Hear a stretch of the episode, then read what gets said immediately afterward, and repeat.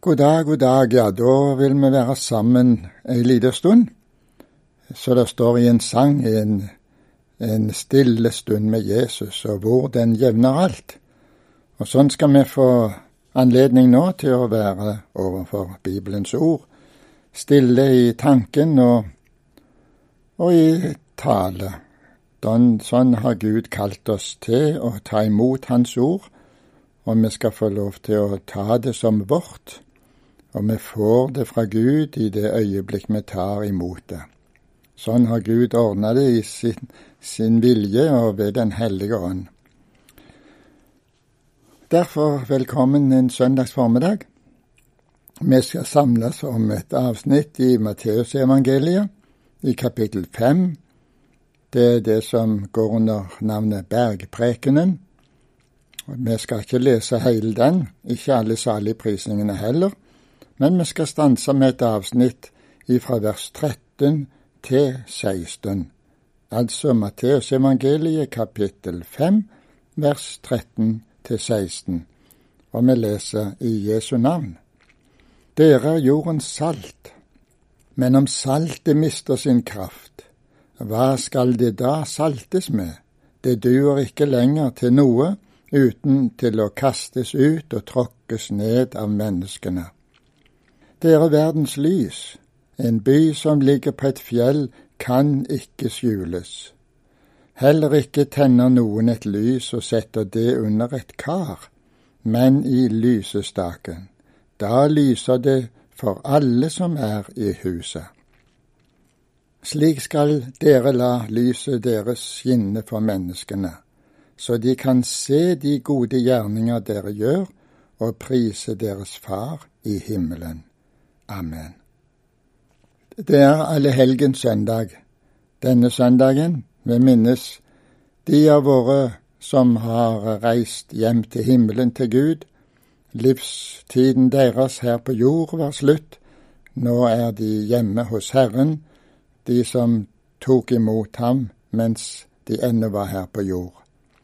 Og hvor det er viktig for oss å tenke sånn i dag også, at vi skal være sammen med våre som gikk foran oss hjem til Gud, og de som kommer etter oss. Men det er så viktig da å ta imot også det vekkerropet. Omvend dere, tro på den Herre Jesus Kristus, så skal du bli frelst. Det er allehelgen-søndagen. De som eh, fullendte løpet og bevarte troen, de fikk holde seg til Bibelens ord. De fikk gjennom mange måter møte Herren og bli kjent med Han. Paulus uttrykte dette her så fint, jeg har fullendt løpet, bevart troen. Og han sier det også et annet sted, at jeg vil så gjerne flytte til himmelen nå. Men det var så viktig for han ennå også være her på jord forkynne evangeliet, så enda flere blir frelst. Og da vender vi oss til disse ord som vi har lest fra Matteus 5. Bergprekenens tema er det noen som kaller dette her jordens salt og verdens lys. Bergprekenens tema peker jo nettopp på fruktene av kristenlivet, de gjerninger som springer fram av en ydmyk tro på Jesus. Når vi prøver oss på disse ord, så fører det oss straks til ydmyk erkjennelse av at vi ikke holder mål for Gud. Vi ledes også i bønn om at Gud vil gi oss alt av nåde og sjøl virke i oss og gi oss frukter av Den hellige ånds liv i oss. Jakobsbrevet taler om det i kapittel fire i det femte verset. Med nidkjærhet ser han etter den ånd han lot bo i oss. Med dette i klar erkjennelse skal vi da se på hva som ligger i disse ord av Jesus som han her taler til sine disipler. Jesus konstaterer et faktum, får vi greie på. Er du salig, så er du jordens salt og lys. Dette er ikke en vurdering av den enkelte kristens liv, slik Jesus til nå hadde lært sine disipler å kjenne. Jesus summerer ikke opp disiplenes første år for å komme med en evaluering. Vi settes ikke på et prøveår eller to, for så å se etterpå hva det blei til. Enten er jeg salt, eller jeg er ikke det for jorden. Men Herren ber oss virkelig å holde prøve. Vi skal ikke sove langs veien. Apostelen Paulus advarer imot likegyldighet. Jesus kjenner sine disipler. Han kjenner deres svakheter, feighet, deres udugelighet, deres mange svikt og sjofle holdninger. Men uten å skjele til alt dette, så sier han rett ut til sine disipler, dere er hva gjør at Faderen kan si noe slikt om disse svake og veike disiplene? Jo, han hadde sjøl gitt deg et nytt liv, et nytt hjerte. De var blitt født på ny. De hadde tatt imot Den hellige ånd. De var blitt nye skapninger. De var frelst, blitt fattige i ånden av bare nåde. Derfor er de lys og salt. Disse har det sånn at Jesus betyr alt for dem. En kristen betyr òg mye for verden. Uten de kristne ville verden ligge i mørket. De kristne har samme betydning for verden som Jesus har. Den som tror på Jesus, bringer Jesus selv med seg. Tenk på Abraham, hva han og hans bønn betød for Sodoma. Det kan du lese om i Første Mosebok kapittel 18. Om det bare var ti rettferdige igjen i Sodoma, så ville disse ti være salt nok for byen. Dere er, sier Jesus. Dette ord skal jeg få ta til meg og takke for. Til Nikodemus sa Jesus, du må bli født på ny. Det blir jeg ved å feste blikket på Jesus, på ordet om korset det er fint å få se seg frelst og fri i Kristus. Ja, der står i Galaterbrev i kapittel fem og første vers, til frihet har Kristus frigjort oss. Stå derfor fast, og la dere ikke igjen legge under trelldommens åk. Skal du gjøre deg til lys og salt, da kommer du inn i en voldsom strev. Du blir en trell for det er av nåde Gud gjør deg til lys og salt. Så tenk deg, du er jordens salt. I og med den nye fødsel og at du eier Den hellige ånd, så er du salt på jorden. En kristen er salt. Slik saltet er for mat og alt det ellers brukes til, slik er en kristen for jorden. En kristen er et bevarende middel i hverdagen for den verden han omgås. Han virker korrigerende på sine omgivelser. Det betyr ikke at en kristen skal gå med løfta finger. Med det beskriver han hva en kristen er som kristen i hverdagen. En kristen lever under de samme fristelser og fall og nederlag som andre mennesker. Men en kristen kan ikke bli i fallet og nederlaget. Han må gjøre opp med både Gud og mennesker, be om tilgivelse og søke å ordne opp i saker som blir urettferdige. Gjennom en slik livsstil som er preget av egen ransakelse, eget oppgjør og et redelig sinn, er en kristen salt i omgivelsene. Det er ikke den prektige, den feilfrie og selvgode holdningen Jesus snakker om her. Den kan bare vekke forargelse. Nei, Jesus tenker på den som sjøl er fattig i ånden. Denne hjelpeløse som vandrer i lyset, er jordens salt, sier Jesus. Det er et under. Dette er han så visst ikke i seg sjøl. Han synes heller ikke sjøl at han er salt, snarere tvert imot. Men som en ny skapning så er han jordens salt, sier Jesus. Så reiser Jesus et ransakende spørsmål. Kan når saltet miste sin kraft? Han kommer inn på den mulighet at saltet mister kraften. Det svir ikke lenger. Det har heller ikke noen bevarende og ransakende kraft over seg. Det er noe ved det som ikke virker lenger. Hva da? Ja, vi ville da bare kaste saltet ut og tråkke det ned. Det er ubrukelig. Slik kvitter vi oss med det og tenker ikke særlig mer på dette, at det var salt. Vi salter ikke mer med det. Så ligger det et stort alvor i dette som Jesus sier.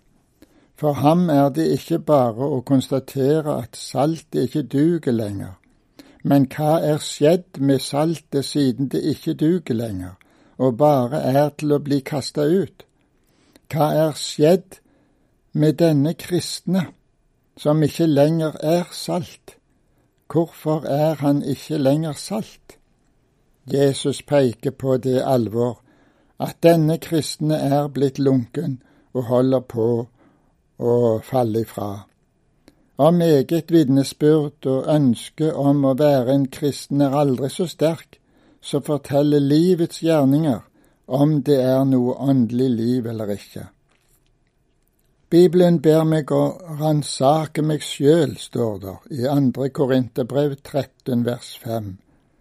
Ransak dere selv om dere er i troen. Prøv dere selv. Eller kjenner dere ikke dere selv at Kristus Jesus er i dere? Det måtte da være at dere ikke består prøven. Er jeg virksomt salt? Vi skal la dette ta dette til oss og snakke ut med ham. Gjennom Skriften vil han også svare meg og si til meg at den som er fattig i ånden, han er også jordens salt. I Johannes evangeliet kapittel 8 og det tolvte verset taler Jesus om lyset. Der står sånn i vers tolv, igjen talte Jesus til dem og sa, Jeg er verdens lys. Den som følger meg, skal ikke vandre i mørket, men ha livets lys. Jesus sier ikke at en kristen tar hans plass som lys i verden, men at den som er født på ny, også blir lys i verden. Denne forsterker han ved å peke på en by som ligger på et fjell, og som ikke kan skjules. Det er umulig å skjule den, Sånn er det umulig å skjule at et menneske er blitt en kristen. Han er jo en ny skapning. Vi opplever dette som at vi dør sjøl. Den som vil berge sitt liv, sier Jesus, han skal miste det. Tenker jeg at jeg skal slippe omkostningene med å vende om, og slippe motstand fra verden og mørkets krefter, så regner jeg feil. Søker jeg å slippe unna alt sånt, så må jeg fornekte troen på Jesus. Da mister jeg livet sjøl. Følger jeg derimot Jesus slik at jeg mister mitt liv og gir meg over til Guds hånd, så skal jeg berge livet.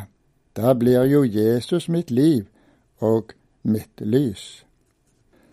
Vi tenner ikke et lys og setter det under ei bøtte for å skjule det. Det er unaturlig. Like unaturlig er det at en kristen ikke skulle skinne for menneskene. Hensikten med å tenne et lys er jo for at de skal skinne for alle som trenger lyset. I skjul og under ei bøtte vil lyset kanskje til og med komme til å dø ut. På denne måten sier Jesus at en kristen er lys. Vi tenner lys og setter det i staken. Slik tenner Jesus lyset, og han vil også plassere lyset i staken. Jesus kommer til å plassere deg slik at du lyser for andre, i samsvar med den nådegave han utruster deg med, og det lys han gir deg i sitt ord, så vil han plassere deg slik at lyset kan skinne der hvor han vil. Det er frigjørende å få leve under dette lys med livet. Hvordan skal jeg kunne lyse? Ja, da vil jeg si, gå i Jesu navn til ditt daglige gjøremål. Da skal nok Herren sørge for lyset. Hva skal jeg gjøre da, spør du. Du skal stille deg til tjeneste for de oppgaver og etter den utrustning du har. Jesus sier egentlig at vi kan ikke leve som kristne og samtidig være anonyme. Noen er engstelige når de blir frelst, frykter mennesker, frykter for at deres reaksjoner og mulighet for mobbing osv. Det er en situasjon som Jesus forstår. Men nå skal vi høre at Jesus har tenkt på dette. Han sier til oss at kjærligheten til Gud driver frykten ut for mennesker. Det står i 1. Johannes brev, kapittel 4, vers 18. Frykt er ikke i kjærligheten, men den fullkomne kjærlighet driver frykten ut. For frykten har med straff å gjøre, og den som frykter, er ikke blitt fullkommen i kjærligheten. Sånn står det skrevet i orda. Ja, i ordspråkene 29-25 står det menneskefrykt fører i snare, men den som setter sin lit til Herren, han blir berget. Vi vil kjenne oss hjelpeløse overfor verden. Som nyfrelst og når vi må stå til regnskap for det vi tror på, så kjenner vi alle mer eller mindre frykt. Men denne frykten skal ikke få herske over oss. Vi skal få komme til Jesus med menneskefrykt og angst for å bekjenne troen. Så skal vi også få merke det er etter hvert, så vil kjærligheten til Jesus drive frykten ut. Bekjenner vi troen på Jesus, så skal vi også få merke at frimodigheten vokser.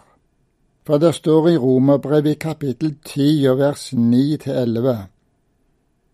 For dersom du med din munn bekjenner at Jesus er Herre, og i ditt hjerte tror at Gud oppreiste ham fra de døde, da skal du bli frelst. Der står at med hjertet troen til rettferdighet, og med munnen bekjenner en til frelse. For Skriften sier, hver den som tror på ham, skal ikke bli til skamme. Vi opplever dette som at vi skal dø, som Jesus sa. Vi tenner altså ikke et lys for å sette det under og skjule det under noe. Det er unaturlig, og sånn vil det være unaturlig at en kristen ikke skulle skinne for menneskene. Hensikten med å tenne et lys er jo for at det skal skinne for alle som er i huset. Og så syns jeg det er stort også for se den sammenheng at Herren vil plassere lyset i staken, og han vil også plassere staken der hvor lyset trenges. Så skal vi få komme til Jesus med ærefrykt og angst og for å bekjenne troen.